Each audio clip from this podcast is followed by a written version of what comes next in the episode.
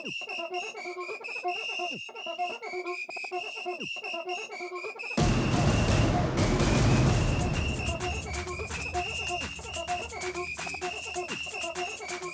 man bedriva tennis utan egen tennishall?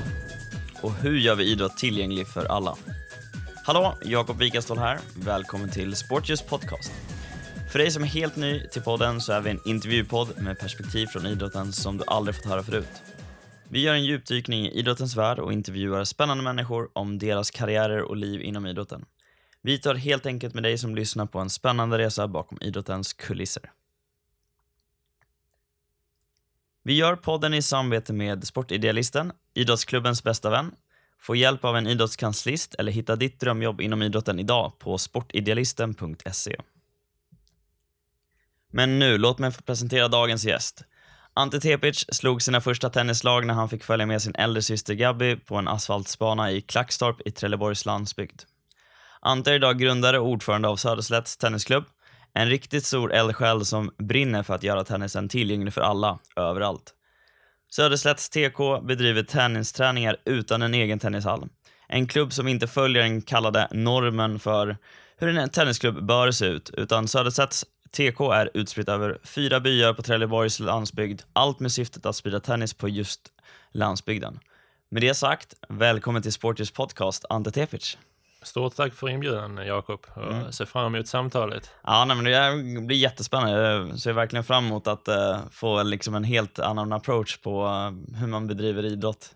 Uh, så det ser jag verkligen fram emot den här kommande tiden.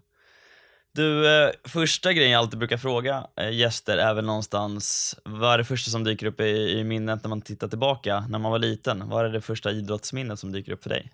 Ja, men det första idrottsminnet, eh, det återkopplar här till din introduktion. Det är den här asfaltbanan i Klackstorp. Eh, mamma och pappa bosatte sig i Klackstorp 1990, så att, eh, ett bra tag sedan. Jag var inte ens född då. Eh, pappa eh, jobbade med bilar och meckade så, så att eh, där fanns det en bilverkstad och en rätt så stor ja, asfaltbit så att säga, var, man kan, var bilarna skulle stå rätt så snabbt gjorde detta som till en tennisbana. När eh, men även den andra systern Michelle och så stora syster när de visade intresse för att slå på bollen. Och så, det var där på den tennisbanan jag också slog mina första slag. Och det är väl också lite länkat till det vi kommer att prata om idag, hur, hur enkelt det är egentligen att börja idrotta. Och att eh, det är det viktigaste för att få fler att röra på sig. Så att mitt, mitt första tennisminne, idrottsminne är på den eh, asfaltbanan. Men äh, var det då, alltså gjorde man om parkeringen till en, alltså så att säga riktig tennisbana? Eller ja men asfalten är rätt så bra ren där. Det var bara att rita linjerna och den är rätt så stor. Så uh, fram med nätet och så började vi med träningarna. Så att, uh, och det är väl den uh, spontana delen sen något större kan, kan växa och det var det steget kanske Gabi tog främst och sen jag i spelarspåret. Men Michel har har, eh, kanske har de flesta åren som tränare bakom sig. Så att eh, eh, många olika perspektiv liksom växer från en och samma startpunkt. Var det föräldrarna som hade tennisraxen innan då att ta fram? Ja, det var eh, min, eh, min moster som gav det första racket eh, till Gabi och hade hon inte gjort det, då hade det inte varit tennis i vår familj heller som dominerat. Så att vi tackar moster många gånger för det där tennisracket Gabi fick. Jag misstänker då som du säger här någonstans har det varit mycket tennissnack sen därefter i, på frukostbordet och Absolut, så att tennis har eh, dominerat vår agenda i, i mer än 30 år. Först då som spelare och sen så som, som tränare eftersom eh, även Gabi är tränare idag i ATL Lund för tillfället, mammaledig men uh, alla är vi på något sätt inom, länkade inom tennisen och det är, väl, det är väl någonting extra värdefullt när någonting kan följa med hela livet. Så att eh, ju tidigare idrotten kan komma in desto, desto bättre blir det. Var det andra sporter du fick testa på också? Eh, eller, fanns det, eller var det bara tennisen? Så att säga? Nej, utan det var just många olika idrotter, eh, vilket jag tror är bra. Så att för min del var det ju fotboll tidigt. Och sen så var jag rätt så inspirerad av det som gick på tv för tillfället. Så där i början av året är det alltid handbolls-VM eller EM. Och då hittar jag en lite större boll så kastar jag mig på golvet eh, där inne och säger liksom, nu är jag målvakt, nu är jag nu jag spelare. och tvingar folk i min närhet att, vara med. Många gånger var jag målvakt när, var jag målvakt när eh, mamma kastade och pappa. och, så, och sen när jag blev äldre, fem sex år, det är klart med kompisarna på gården. Vi har ju en stor gård ute i Klackstorp. Eller stor och stor, när du är liten är allting stort, eller hur? Ja, exakt. Så att den, äh, återigen, den asfaltbanan körde vi alla sporter. Liksom, bandy, fotboll, handboll, tennis, ja, vad som helst. Testade på skateboard också någon gång, men det var inte min grej. Det var fler skador än, än glädje. Ja. Men, eh, nej men klart, många olika bollsporter framförallt. Så att, eh, Vad tror du har gjort att du har just fortsatt med tennisen? Där? För att jag har förstått det rätt så är det liksom det du har ju främst spenderat all din tid Ja. under uppväxten. varför blev det just tennis? Ja, men jag måste nu tillskriva systern där också igen. Att jag, även innan jag själv började tävla så, så hängde jag med mycket på tävlingarna. Så att det var nog där någonstans jag, jag blev kär i just tennisen. Hade, hade jag haft något spår framför mig som hade lett till fotboll hade jag nog varit med inom fotbollen, men så blev det. Jag tror att vi alla är inom idrotten på grund av någon annan. Eller det är alltid på, på, på grund av någon annan har vi hamnat inom just den idrotten där och då. Och så är det i mitt fall också. Och det är jag tacksam för. Är det, om du tänker på här och nu eh, i vuxen ålder och sen så jämför lite när du var då barn, vad du kan minnas tillbaka. Har du samma koppling till glädjen av tennisen? Ja, men det, det vill jag påstå. Eh, jag har många i min generation och äldre generationer, även yngre nu, som har varit eh, mycket bättre tennisspelare än jag, men som efter sin, eh, sitt sista slag aldrig mer vill se tennisboll eller tennisracket eller gå ut på tennisbanan. Och då är det förmodligen någonting som varit fel redan från början. Men för att pappa jobbade mest med oss och det var aldrig Resultatet var något sekundärt. Men primärt var att vi är tillsammans och har kul och utvecklas, både på tennisbanan och som individer.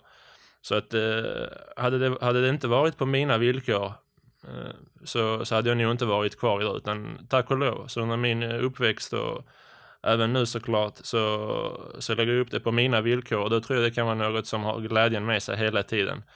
Blir det, blir det en press utifrån, att man måste det ena och det andra, uppnå de och de resultaten, då tror jag det, det kan ha en negativ inverkan. Och vilket jag ser på många som tyvärr aldrig har återvänt mer eh, till tennisbanan trots att de har legat i Sverigetoppen, eh, Europatoppen, världstoppen till och med. Mm. Nej, det, det är, så är det ju. Det är ju, vad ska man säga, det är ju den här negativa trenden som, jag vet inte, jag vet inte om man ska säga att den växer, men däremot blir debatten och samtalet mer eh, och hörs eh, mer och mer. Och det tror jag många som lyssnar också just nu kan känna igen sig i om man är förälder. Att eh, det är det här med resultat eller inte resultat. Eh, är ska barnet dit? Ska man tvinga bara för att man, det är skönt att bli av med barnet också lite, Mm. få lite andrum hemma. Eh, till att det är att man själv är, har, liksom känner sig till, igen när man var själv tonåring eller vilken ålder det nu kan ha varit. Att det var, så här, det var de, någon annan som tryckte på att man skulle Mm. hela tiden köra istället för att vad tycker jag är bäst för mig själv just nu. Å andra sidan kanske man inte riktigt vet heller, så det blir lite den här balansgången. Vad är, vad är bra och inte? Och i slutändan blir det, hur blir det, hur ser man till det här att det blir rätt utifrån villkoren? Men jag tänker att vi kommer komma in på det lite längre fram. Så tänker jag att vi hoppar in lite mer på det du eh, gör idag. Eh, och vi pratade lite innan vi började av att eh, du har ju också mm, liksom växt upp under, under uppväxten på tre olika platser, bland annat i, i Växjö. Eh, och sen så hamnar du eh, tillbaka i Skåne eh, genom att börja vara tennistränare eh, nere i, i Skanörområdet nere i södra Sverige.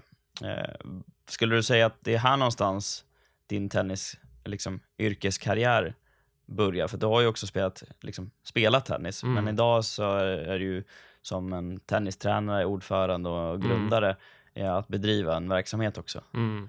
Nej men eh, absolut, och jag menar eh, grunden till Söderslätts TK, eh, dels medvetet, dels omedvetet föddes nog ur en idé att eh, man ska inte behöva köra långa sträckor för att kunna träna. Eh, som du nämnde där Jakob, så mm, när, när jag tränade i Trelleborg så bodde jag i, i Klackstorp då. Och det, återigen måste alltid någon köra dig. Eller föräldrarna måste stressa en från jobbet, sen ska man tajma in det med andra aktiviteter med, de- med de andra barnen och det ena och det andra.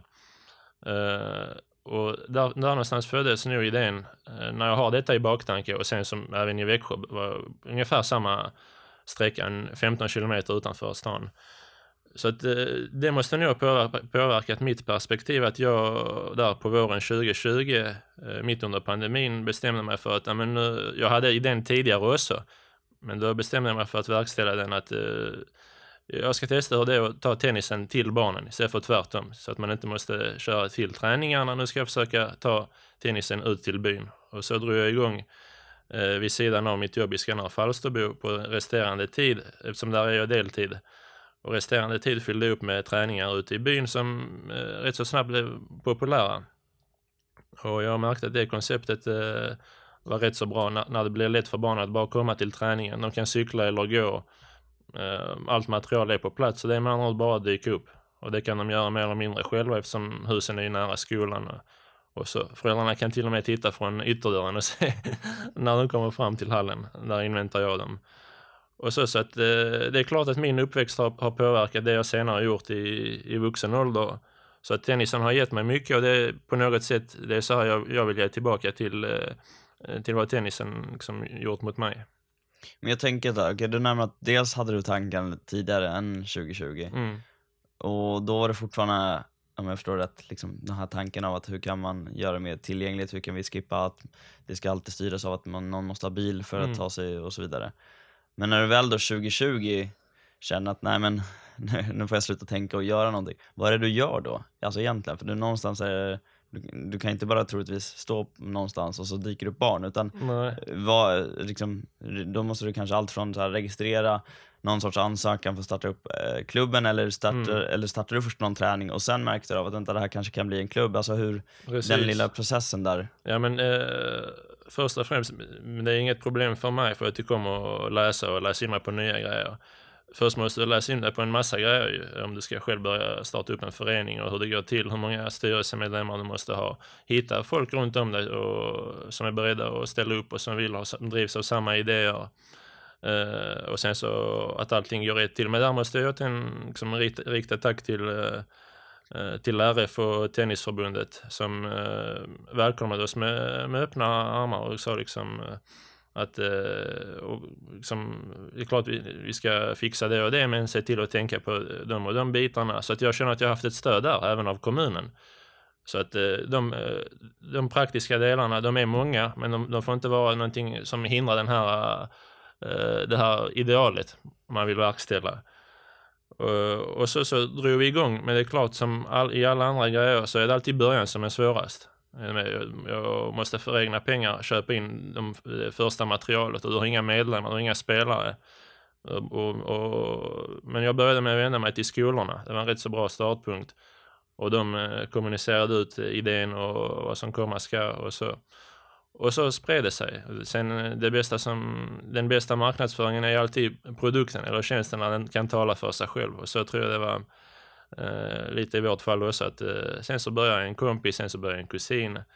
Och så gick det eh, steg för steg. Så i Klagstorp hade jag kanske en, en eh, 30 barn som tränade varje vecka. Eh, därefter har jag breddat det lite. Och då drog jag igång i andra byar. I Anderslöv, eh, Gislavsläge och Skegrie. Och, eh, och så har det fortsatt även där. Men eh, i Klagstorp hinner inte jag ha träningarna nu eftersom att eh, det tar en hel del tid att koordinera ihop det här andra och sen med familjelivet har jag också två små barn där hemma som tack och lov behöver sin tid och sin uppmärksamhet också. Eh, så att eh, i, Klagstorp har vissa spelare gått vidare till dessa andra byar. Eh, vissa har gått över kanske till Trelleborgs tennisklubb, den här traditionella klubben om vi säger så. Eh, och vissa har tyvärr slutat eh, efter, Eh, efter pandemin och sen alla de här kostnadsökningarna. Och så, och, men sen så är det även en praktisk detalj ute i Klagstorp är att eh, gymnastiksalen är lite mindre, eller rätt så mycket mindre inne, i Anderslöv, Gislöv och Skegrie. Så av praktiska skäl är det lättare att ha träningarna där. Eh, och så, så att eh, ja, men i dagsläget är det väl en 70-80 barn som, som tränar regelbundet. Men om du räknar alla vi har nått ut till så är vi uppe till, om du räknar med de förra spelarna också, så har vi nu aktiverat mer än 120 barn under dessa två och ett halvt år. Och det är ju sjukt häftigt just bara av att så här, det är inte det, här, det ordinarie vanliga, alltså det är fortfarande organiserad verksamhet som är nu, men på ett, då ett helt annat sätt, på andra, vad ska man säga, tennis, eh, tennissammanhang än vad det vanligtvis brukar vara. Och att kunna åstadkomma dessutom det här under pandemin är ju otroligt, eh, bara det. Så det är ju sjukt imponerande och ja, man kan ju börja tänka framåt och så bara ge det liksom tio år, hur, hur kan det se ut då? Liksom? Mm. Så det är imponerande arbete som, som du har bidragit med hittills och att kunna just lättillgängliggöra eh, rörelse till fler är ju härligt. Men jag tänker på just det här skolan som du sa, att komma i kontakt med dem. Var det så bara, ah, hej jag heter det här, jag har startat upp eller jag ska starta upp en klubb Mm. precis. Eh, vill ni hjälpa till att eh, sprida, sprida om Mm. det? Alltså, ha, hur mottogs det? Var det liksom så här, ja men visst vi gör det här, alltså blir man inte skeptisk och Ja. vad innebär det och, och vad kommuniceras ut till barnen liksom? Vad som nog hjälpte lite där också att de flesta lärarna där, som var där då, men även idag, eh, de minns mig fortfarande från eh, barnstid. Vissa av dem har haft mig som, eh, som barn när jag gick där. Så det hjälpte nog också att eh, de kunde lita på vad jag skulle göra och gav mig chansen. Och så sen, eh, återigen, sen, är det, sen måste, är det upp till bevis. Visa att, eh, att du står för vad du har sagt och är beredd att göra det i praktiken. Men, eh, men där tror jag inte om någon nu... Men det större meningen med detta samtalet som vi har nu är att- är att inspirera någon annan och våga ta det steget och våga göra det. Och jag tror att någon som presenterar en bra idé kommer bli, kommer bli bra bemött i de flesta fall. Det är klart det finns tyvärr också undantagsfall. Och någon kanske kommer stänga dörren eller inte ge dig chansen. Men eh, bara till att vara envis och tro på det man gör. Det är viktigt att, att tro på det. Eh, Det var säkert många i min omgivning som kanske inte, inte de närmaste. De, de har alltid känt stöd från. Men kanske lite längre inom tennisvärlden så tänkte jag, ja, det har varit många liknande projekt liksom.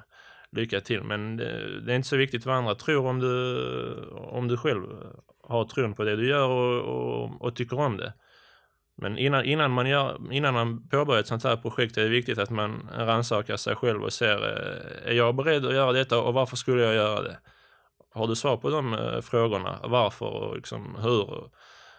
Då, då blir det mycket lättare. För då är det, då är det redan en vinst i sig, att du, att du gör något du tycker om. Sen kommer det inte spela så stor roll om det är sju barn eller 27. Men det är klart, du har ett mål att nå ut, nå ut så, till så många som möjligt. Men eh, bara du gör någon skillnad för en enda så är det värt. Ja, jag kan väl instämma där, det är ju det vi måste ta. Eh, en i taget någonstans och ju fler som hänger med ju- blir det en bonus. Men jag tänker på, hur såg första liksom, lektionen ut? Eller, och du, du, du nämnde att det är lite mindre i Klackstorp Mm. i sig självt. Va, hur- kan du försöka beskriva nu, för att man kan inte se det här på något sätt just nu, Mm. utan man får försöka lyssna till sig. Men hur funkar liksom då en, en eh, tennisträning? Ja men ända sen, sen början har jag liksom haft klart för mig att, eh, och det säger jag även till tränarna nu eh, som jobbar, att vi får inte glömma att vi är där för barnens skull. Och eh, som det poängteras, barn är inte små vuxna, de har olika behov. Så att liksom först och främst eh, när ni träffas där, så ta en liten samling, prata med alla hur de mår och, och se eh, vad, hur de känner för dagen. För att barn är inget färdigt material som, eh, som en tegelställ eller cement, att du vet när du går ut och murar liksom att det är det, du har det att jobba med idag. Barn varierar mycket från träning till träning och man måste ha öga för att se vad de vill just den dagen. Men eh, jag börjar varje träning med att samlas och, och prata lite, se om de har någonting på hjärtat. Eh, sen jag lite vad vi ska göra. Och, och en mjukstart. Jag har alltid eh, musik nästan på träningarna. Och så ett annat inslag kanske än i traditionella klubbar. Eh, alltid lite musik sådär i bakgrunden och ibland får de välja låt. Och så börjar vi med uppvärmningen. Först uppvärmning utan boll, sen med boll. Sen börjar vi lite med racken. Sen någon övning, sen kombinera lite med lek. Om de är lite äldre och- och kan hantera spelet, eh, poängspel, matchspel, den biten. Och sen så igen avslutning, återigen samla upp hela gruppen och se om alla tyckte det var kul. Och det bästa du kan höra i de lägena är liksom, vad ska vi göra nästa gång och vad snabbt det gick. Och det är målet och det är det som gör en tillfredsställd på banan ju. När du ser att du har gjort skillnad och bidragit med någon, eh, med något till någon. Och det, den drivkraften eh, är mycket mer värd än de här yttre grejerna. Det är klart, man måste ha mat på bordet och kunna köpa materialet och det ena och det andra. Men om man tycker det är det viktigaste, då är det bäst att inte påbörja ett sånt här projekt. Men om du ändå nöjer dig med att det täcker vissa grejer, att det kanske ger lite mindre materiellt, men ger dig mer eh, inre lycka, eh, då är det värt att satsa på, på en sån här grej. Och då tänker jag att i och med att man kör inomhus så kör man inte med vanliga tennisbollar, misstänker jag. Annars kanske det studsar jättemycket. Ja, ITF eh, har jobbat, eh, Internationella tennisförbundet har jobbat rätt så bra med att eh, de senaste tio åren anpassa bollar och bana till de yngre. Så att det är stora mjukare bollar i början till de yngre och sen ska du höja upp till, vi kör aldrig med den- den här hårdaste bollen eftersom vi kör på lite mindre banor. Och även i de större hallarna när vi kör på styrbana med de större så kör vi med den här eh, orangea bollen som det kallas, steget innan den hårdaste. Just för att eh, få igång spelet. Och ett viktigt steg i det som även såklart tennisförbund, svenska tennisförbundet eh, liksom implementerat i sitt arbete är att få till det här spel, spelet så tidigt som möjligt. Så det är lite, lite nytt tänk nu. Vi går inte in direkt och korrigerar, håll så här, stå så här, utan vi låter först barnen spela och sen så går vi in och hjälper med de tekniska bitarna. Och då, då kan det bli en idrott som är rolig och då fortsätter de förhoppningsvis eh, eh, mycket längre. Just när man får till det här att de bollar med varandra och kan köra poäng rätt så tidigt. och, vilken ålder pratar vi om? Alltså, så här, är det femåringar som kör så också och tioåringar också? Eller? Ja, precis. Nybörjare på, på alla nivåer. Eh, så att, eh, men det är klart, om du, om du har någon bolllek för dessa som är 3-4 blir det nog svårt för dem. Men eh, 5-6-åringar som, som redan har kunnat spela, eh, som kan spela rätt så bra, de kan gå på detta att de spelar med varandra och sen räkna poäng på något sätt. Och, men det gäller att avdramatisera det matchmomentet också. Många barn som kanske är rädda för det tävlandet och sådär, oh, men vi ska väl inte tävla nu? Det, ja, men jag kommer bara säga, men det är väl inget farligt, vad kan hända då? Ja, men då förlorar jag, ja, men det spelar ingen roll. Ingenting ändras av det, utan nästa gång kanske du vinner. Om du förlorar hundra gånger så eh, du är inte mindre värd för det, utan då kan vi göra på något annat sätt. Då kan vi hitta på något annat, men så att man, man, får, man måste ta bort det där att det, att det är en skam eller att det är farligt att förlora, att man är sämre då, utan det gör ingenting. Precis som någon är längre, någon är kortare. Det är liksom, eller någon eh, bor i stan, någon är på landsbygden. Alla de, skillnad, de skillnaderna spelar ingen roll, utan vi är där för att ha kul och träna och röra på oss. Och då tror jag barnen kan känna, ah, okej, det gör inget om jag förlorar med 10-0 kanske. Sen, sen så vinner jag med 10-0 om ett halvår. Så att det, där är det viktigt att avdra, avdramatisera det. Även inom svensk tennis pratar vi mycket om hur man ska få fler att tävla. För innan var det mer automatiskt att eh, liksom, det var en självklarhet att spela turneringar och det. Men just tävlingsspelandet har, har stagnerat lite inom svensk tennis. Hur är det med åldrar i, i klubben idag? Ja, vår snittålder är nio och ett halvt så att eh, vi jobbar med dem eh, med låg mellanst, eh, mellanstadie för det mesta. Kanske har vi någon högstadiespelare i Anderslöv, men, men det är det här första steget in i tennisen. Så att eh, de är rätt så små. Och, och i och med att det är så pass ungt så är det svårt att säga exakt hur det, hur det ska fungera se ut. Men lite så här, vad är, vad är ert mål med klubben då med att okej, man kommer att, eh, att testa på, ni är ute för att göra, komma närmare till, till fler barn. Mm. Är tanken att man ska vara med i klubben liksom hela vägen och, och tävla allt det här? då? Mm. Eller är det av att så att säga slussa vidare till, till en annan klubb eh, på, som har sin tennishall så att säga? Ja, nej, men jag tror det blir naturligt att eh, spelarna så småningom går vidare eftersom man, det är ju begränsat hur mycket du kan åstadkomma i en idrottshall. Till slut så behöver du eh, en, eh, den här riktiga banan, stora banan och, och den här biten. Så att eh, det är mer det steget att vi, vi fostrar framtidens spelare förhoppningsvis, tennisspelare. De behöver inte spela på professionell nivå, men tennisspelare på alla olika nivåer som senare efter när de liksom eh, vuxit upp tar steget till, eh, till kanske Trelleborg eller Svedala eller Ystad. De som vill mer, men de som vill spela på motionsnivå kan ju även köra eh, för i Anderslöv, Isla och nu i dessa hallar som vi kör, där finns ju en riktig bana. Bara att det är idrottsgolv så är inte helt optimalt för dessa som kanske går och spelar tävlingar och det. Men de som vill spela på motionsnivå kan vara kvar längre. Och i dessa som vill tävla får gå vidare till, eh, till, till någon av de här eh, traditionella klubbarna. Du kanske inte har full koll på dem. Jag tänker jag ställer väl andra frågan för att du ändå startat upp just en sån här liksom inriktning inom tennisen.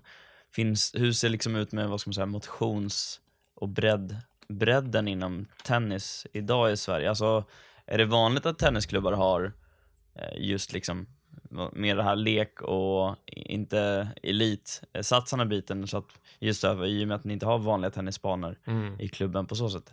Är det liksom, pratar man något om det och har du någon insikt hur det ser ut runt omkring? Ja men absolut, jag tror att man jobbar i den riktningen. Att det är, det är det första steget. Och jag vill säga även en förutsättning för att få fram elitspelare. Eh, att börja i ung ålder spontant och roligt. Det behöver inte vara oorganiserat för det eller oseriöst. Men det måste vara avslappnat, det måste vara kul. Och det måste fånga så många som möjligt för att eh, om vi inte sår det här tennisfröet eh, brett, då kan inte heller eh, liksom, eh, frodas nya tennisspelare. Eh, så att eh, det, jag- det, jag tror det är en förutsättning att ha den här breda pyramiden även om du ska ha toppen. Så att eh, runt om i tennisklubbarna har jag en känsla av att man, man, jobbar, man jobbar så i början. Och eh, jag träffade Robin Söderling då under förra Stockholm Open, skulle se han har ju nu det här klädmärket. Och material, de har ju material också, Robin Söderling och så, så skulle jag se om vi har något, eh, om vi kunde ha något samarbete. Men vi, han gav mig sitt fulla stöd och vi pratade om det, hur, hur barnen i början inte är i behov av att ha den här stora banan, riktig hall, utan att man kan göra rätt så mycket eh, på den här grunden som vi jobbar med. Så med andra ord, så kan man även jobba på den, här, på, på den riktiga banan, brett, avslappnat och, och öppet. Först låta barnen spela, sen gå in och korrigera. Så att eh, det, det är en strategi från, från förbundets sida också. Jag tänker om man skulle liksom titta på just den klassiska tennisklubben så bedrivs den i någon tennishall, utomhus och inomhus, Mm. lite hur det där ser ut. Men både, om man tittar på en vanlig då tennisklubb eh, som en traditionell så att säga, kan de liksom också göra något så här som, som ni gör av att kanske mer bedriva träningar i, i skolsalar och Jag har sett att Ystad gör något liknande, har eh, träningar på, på Österlen. Eh, hittat några banor där och rustat upp dem och liksom möjliggjort för fler att träna och det är grymt. Eh, Fair Play tror jag också har gjort mycket på den, på den biten, har öppna öppnat träningar och så, så det finns säkert eh, ännu fler bra exempel på där man, där man har breddat. Så att eh, det, det tror jag är viktigt för att eh, öka medlemsantalet inom svensk tennis. Idag är det ungefär 120 000 medlemmar. Det har växt de senaste åren, men jag tror det där kan eh, växa rätt så bra om man fortsätter i det här spåret. För det, vi, man kan ju se i olika samhällen och byar att det finns ju banor här och där. Ja, gäller kanske bara att rusta upp dem och möjliggöra, möjliggöra tennisspel, för intresset finns. Och det var så någonstans där jag började också. Jag utgick från vad kan jag och vad har jag till förfogande? Jag har det tenniskunnandet jag har inom mig, vare sig om det är stort eller litet. Vi har en idrottshall rätt så nära. Börja därifrån. Med så att eh, kan ju få ut det tänket, inte bara vad gäller tennisen utan andra idrotter kan ha samma strategi. Då, då, då kommer så många som möjligt kunna få testa på idrotten och då kommer e, naturligtvis ännu fler kunna fortsätta och bli elitspelare eftersom att det är fler som har fått chansen och då är det ju större chans att du hittar den där stjärnan också. Vad tror du gör, som gör att det inte är jättemånga som kör så här idag då, både inom tennisen och, eller i andra sporter, att man inte ta sig till, vad ska man säga, ytor som inte är det, det som kopplas ihop med eh, sporten? Kanske är man lite rädd för den där i början. Man tänker på hur, hur kommer det gå nu i början? Du har inget material och du har inga spelare. Men du, börjar, du börjar inte från noll utan du måste vara beredd att börja med minus. Du måste investera i allt det, du måste lägga ner tid. Och jag tror att de flesta klubbarna, kanske de som, inte, som väljer att inte ta det här steget, är rätt så nöjda redan med sin eh, verksamhet. Och tänker på att eh, ja, men, vi har uppfyllt det vi behöver minimum och vi genomför det vi ska genomföra, sen går vi hem. Så att det, det måste vara något extra tänk för att eh, bryta den isen. Och, så att, eh, men naturligtvis, ju fler som kan göra det, desto bättre blir det. Frågan är bara hur ska man få, få folk att, att, att ta det steget. Men jag tror att, eh, jag tror att det är mer en inre faktor där som, som tänds att man har ett eget driv kanske, än, än, en det yttre. För som, som vi sa, mm, om du kollar på vad det ska ge ekonomiskt och det ena och det andra, då det är klart att det är lätt att, att sluta på det första steget. Men det är alltid så, kapital slåss mot, mot ideal. Ja men absolut. Och jag tänker om vi hoppar lite mer på just i din roll, alltså när du, ja, nu har vi pratat mycket liksom kring verksamheten och, och det runt omkring. Men om, när vi tittar själva, när du är där, du har varit inne lite på det här med att försöka mer eh, låta det vara på barnens, eller de, de, de vi pratar med, deras villkor och liksom engagera dem på något sätt och hitta glädjen. Så liksom när du ser på i ditt ledarskap, men framförallt tränarrollen, vad är det, liksom, det, vad är det du vill kunna eh, ska man säga, inspirera och, och eh, se till att andra tar efter i, i det så som du du menar bland eh, tränarna eller bland eh, barnen? Nej, för att för, fostra fler liksom, tränare i, i, på så sätt som du jobbar. Med tanke på att man ändå tittar på engagemanget du har och Mm. tittar man på vad ni har liksom åstadkommit på kort tid inom klubben så uppenbarligen så är det ju fler barn som, som kommer dit. Mm. Eh, så det finns ju något positivt och något eh, väldigt bra att ta med sig härifrån. Så jag tänker, eh, liksom, vad är det du tror själv gör att det lyckas eh, så bra? Ja, men jag, dessa tränare som jag har haft till förfogande som jag är nöjd över och, och tacksam mot. Eh, först och främst så känner jag liksom förtroende mot dem och att de är villiga att ta åt sig de råden jag ger, att de är öppna för, för nya grejer. Eh, och jag har ju min eh, ledarstil har jag också en rätt så öppen stil och mer samarbetande strategi med dem. Jag går inte in med, med, en, med ett färdigt dokument till tränaren och säger att du ska göra så och så och så. Vi har några riktlinjer, några punkter såklart som vi förhåller oss mot. Men sen så, eh, där måste, där måste vi ge tränarna utrymme att utvecklas själva och ge dem förtroendet så att de kan växa i sin roll. Och så tror jag det har varit även i vårt fall och då har de kunnat göra sitt jobb med glädje och det känner ju barnen av. Barn känner av mer än, vad- mer än vad vi tror och mer än vad vi säger. De känner av ett helt kroppsspråk och hur vi beter oss, eh, vad vi gör om vi har mobilen uppe medan vi tränar dem eller om vi är fokuserade och lyssnar, är närvarande. Och så att eh, den biten tror jag har varit lyckosam i vårt fall. För att tränaren och ledaren är en eh, hur viktig liksom, roll som helst för att, för att träningen ska, ska bli bra. Så att alla minns vi från barndomen både bra och dåliga ledare. Eller någon som har inspirerat eller någon som eh, tyvärr har tryckt ner dig eller eh, inte, inte trott på dig. Så att den kontakten med tränarna är viktig och jag har försökt jobba med tränaren i det ledet. Hur har du fått tag på de som hjälper till idag som tränar utöver dig själv? Det är mest det personliga nätverket. Jag känner en som sen känner den andra som känner den tredje och så på det spåret. Vi hade, jag behöver alltid tränare och i hela eh, Sverige råder det tränarbrist. Men eh, på det, det personliga nätverket hjälper rätt så mycket. Jag har varit in, inom tennisen hela livet och klart man känner en hel del folk ju. Så att eh, det, det nätverket hjälper mycket. Vi, vi hade en annons ute också på Svenska Tennisförbundet men det är svårt att hitta någon utifrån eftersom det handlar om, om timmar. Och då är det nästan liksom lättare med någon junior i närområdet eller, eller någon vuxen som, som just den kvällen, där på den helgen kan jobba.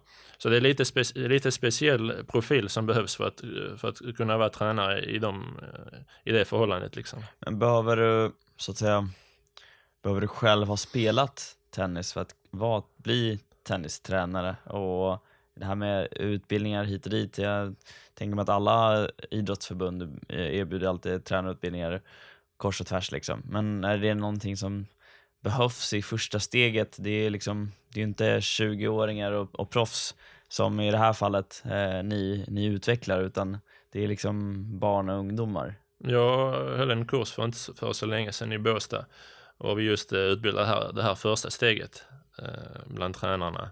Utbildade dem på, den, på bas, bastränarnivån. Där behöver du inga förkunskaper. Det är liksom, du, du behöver en viss nivå på, på tennisen och du kan starta bollar och, och du kan ge ja, instruktioner såklart om grepp och sving och så. Men eh, jag skulle vilja sätta mycket mer vikt vid den här sociala biten man måste ha. Det är säkert många spelare som inte, före detta spelare, som inte lyckades bli proffs, så kan de inget annat så är de på tennisbanan. Och det blir inte så bra eh, om man inte gör det från hjärtat. Då är det bättre med någon som har spelat en termin, men som verkligen brinner för att utveckla andra, som kommunicerar bra, som lyssnar på barnen, på vuxna, oavsett vem du jobbar med. Du måste liksom vara närvarande och kunna ge bra feedback. Så den sociala biten tror jag är mycket viktigare än forehand-backhand. Forehand-backhand är en, eh, en förutsättning, men det är, det är nödvändigt men inte tillräckligt. Utan det som behöver fylla på är den här kommunikationen och känslan för människan. Och det är nog den biten som har gjort eh, att jag också håller på med detta för att eh, det är mycket mer än själva tennisspelet. Jag ser alltid människan bakom. Och för mig är människan eh, liksom det mest värdefulla vi har. Så tror jag det även är från föräldrarnas sida, vilket jag säger till mina tränare. Vi måste vara medvetna om att vi har att göra med det mest värdefulla. Jag tror ingen hade gett sitt barn för en miljard eller alla hus på världen eller, eller hundra bilar. det finns ingenting som går upp mot det värdet. Och även om någon hade gjort det så är det ju inte ett eh, normalt mått. Så att för de flesta är ju barnen det mest värdefulla och vi har hand om dem. Och det säger något om, om vikten av det arbetet vi gör. Väldigt klokt sagt. Mm. Och eh, ska man nog försöka spåra tillbaka till och ta till sig igen egentligen vad, vad du sa inte nu precis. Eh, för att någonstans är det att alla idrottsklubbar i det här forumet har egentligen en ynnest att det vill vara så många barn som kommer och att vara på plats eh, och att föräldrar eh, lägger sån stor tillit eh, till att låta någon annan eh, ta hand om barnen under, en stund. Och sen är förhoppningen mycket så som varför vi driver podden till exempel är just för att alltså vi vet ju att idrott och rörelse gör så mycket mer både för kroppen och knoppen.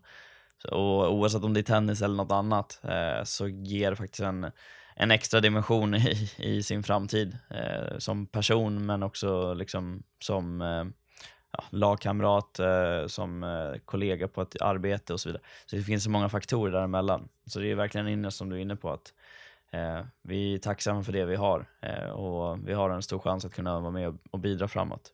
Tennis är en eh, fostrande idrott och det får vi inte glömma att vi lär oss mycket mer än, än bara slagen där på tennisbanan. Eh, vi är en grupp, eh, vi bestämmer tillsammans, vi pratar, eh, vi umgås. extra viktigt i dagens tider. Vi har haft liksom två allvarliga kriser nu. Först pandemin, sen direkt den här ekonomiska krisen och allting höjs och var det svårt att få ihop vardagen för många. Och det är klart att många föräldrar tyvärr tvingats välja bort fritidsaktiviteterna för barnen. Inte för att de vill, utan de har tvingats bort. Tvingats att välja bort det. Eh, även en undersökning från BRIS eh, nyligen visade att barnen själva eh, efterlyser större lyhördhet från vuxna där för att se vad som fattas och fler gratisaktiviteter vill de också ha just för att ingen ska exkluderas. För inom idrotten pratar vi många gånger om att ingen ska exkluderas och att alla måste vara med. Men det sker, det sker ju en, en tyst exkludering av dessa som inte har ekonomiska möjligheter att vara med. Och i vårt fall har vi haft eh, flera sådana här öppna prova på-träningar och vi kommer ha det även under jullovet just för att eh, bjuda in till, eh, så många som möjligt till tennis och fika och, och hela den biten. Och även Världshälsoorganisationen definierade för länge sedan, över 70 år sedan, att eh, hälsa består inte bara av fysiskt och psykiskt välmående utan även socialt. Och det sociala välbefinnandet får du verkligen i en förening var du är en del av något större så att eh, jag kommer inte på någon annan aktör inom samhället som är så viktig för barn och unga som träffar så många utanför hemmet och skolan. Vi pratar om den tredje platsen. Så att idrotten är nu den tredje eh, viktigaste platsen för många barn och unga. Ja, det är ju en av Sveriges, rätt sagt, det Sveriges största rörelser på ett eller annat sätt uh, med just i idrotten. Mm. Det finns ju sjukt mycket där, men jag tänker, det är ju den klassiska är just det här, hur får vi fler tränare? Och du säger det själv, det är tränarbrist i, i tennisen och så vidare. Utbildningsmässigt, lär man sig någonting eller får vi någon då utbildning kring mer det sociala som du är inne på, det kommunikativa, eller är det ändå backhand forehand? Liksom hur ser den... På de här utbildningarna? Ja, exakt. Hur ser det ut i... Jo, men man har lagt mycket fokus på att eh, bredda det. Eh, många andra bitar än, äh, eh, än det praktiska. Tennis är, en, äh, eh, det är ett praktiskt jobb såklart. Du måste kunna det här på banan. Men den här biten, äh, det går inte utan den sociala biten som för mig är ännu viktigare. Och det har lagts mycket fokus där. Jag, jag, tror på de här utbildningarna, det mesta låter som basic här, liksom, trygg och inkluderande idrott, rättvist, jämlikt.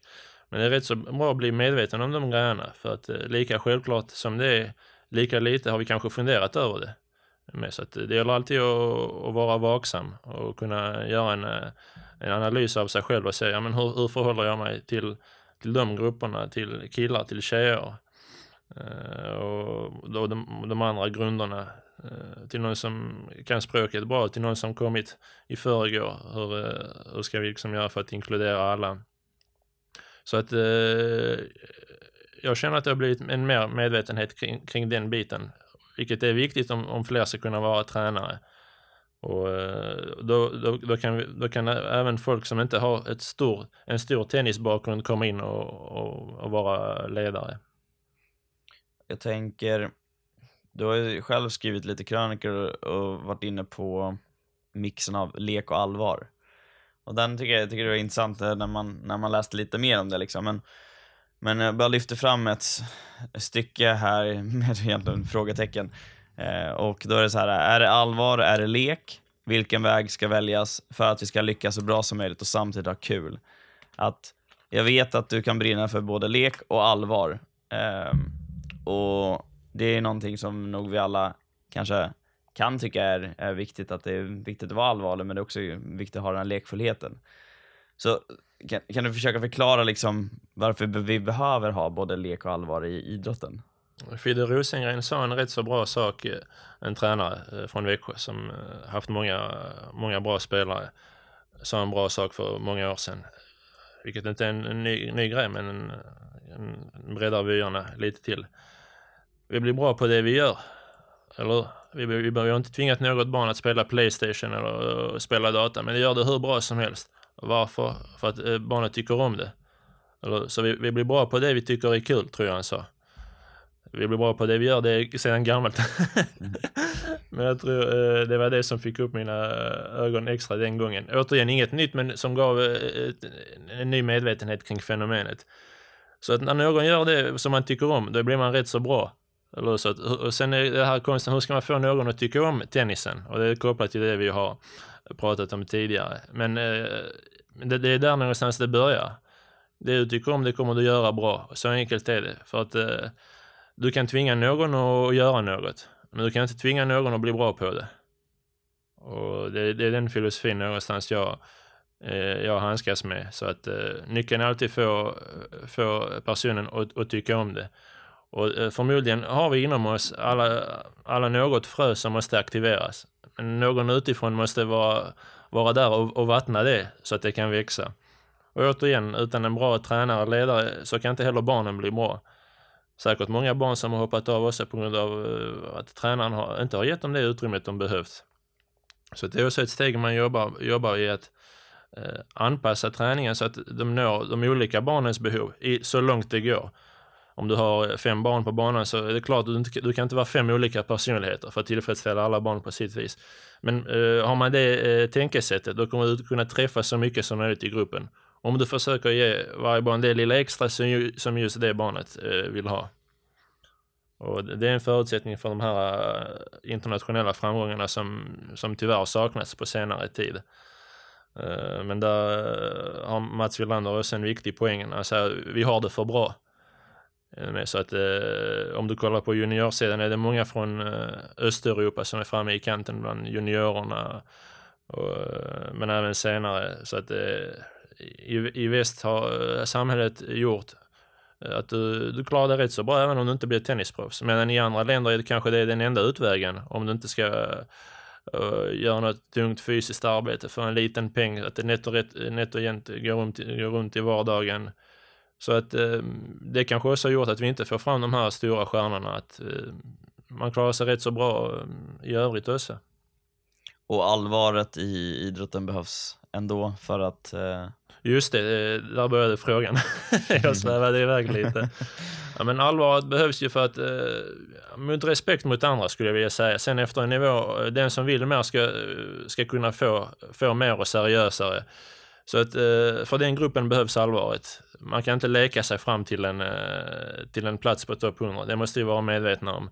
Utan det är allvar från, eh, från tidig ålder där och disciplin.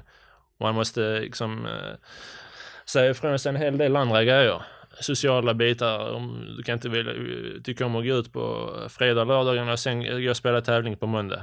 Det vet man att det blir lattjo av det då. Så att allvaret, allvaret i, den, i det perspektivet behövs.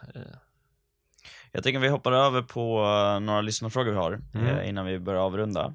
Och eh, Patrik Stenlund har på ett sätt redan fått sin eh, fråga svarad på, men jag tänker vi, vi vrider om den lite så det funkar Mm. ändå. För att, eh, dels tycker jag det är väldigt kul att eh, ni har vuxit eh, så, så mycket som ni har gjort eh, och var ju lite inne på hur ni får tag på många nya spelare, men det kan man ändå titta om vi tittar nu framåt. Nu har ni nu har ni liksom den gruppen av, av barn ni har idag då, men vad är det ni gör då nu och framåt för att ni ska eh, få tag på fler barn till, till träningarna? Mm, förutom den här ordinarie träningen så måste jag lyfta fram de här extra insatserna var eh, RF och Svenska Tennisförbundet och kommunen eh, stöttar oss eh, med de här aktiviteterna och även stiftelser. Johanna Anderssons stiftelse i Trelleborg och Skurups barnback har hjälpt oss.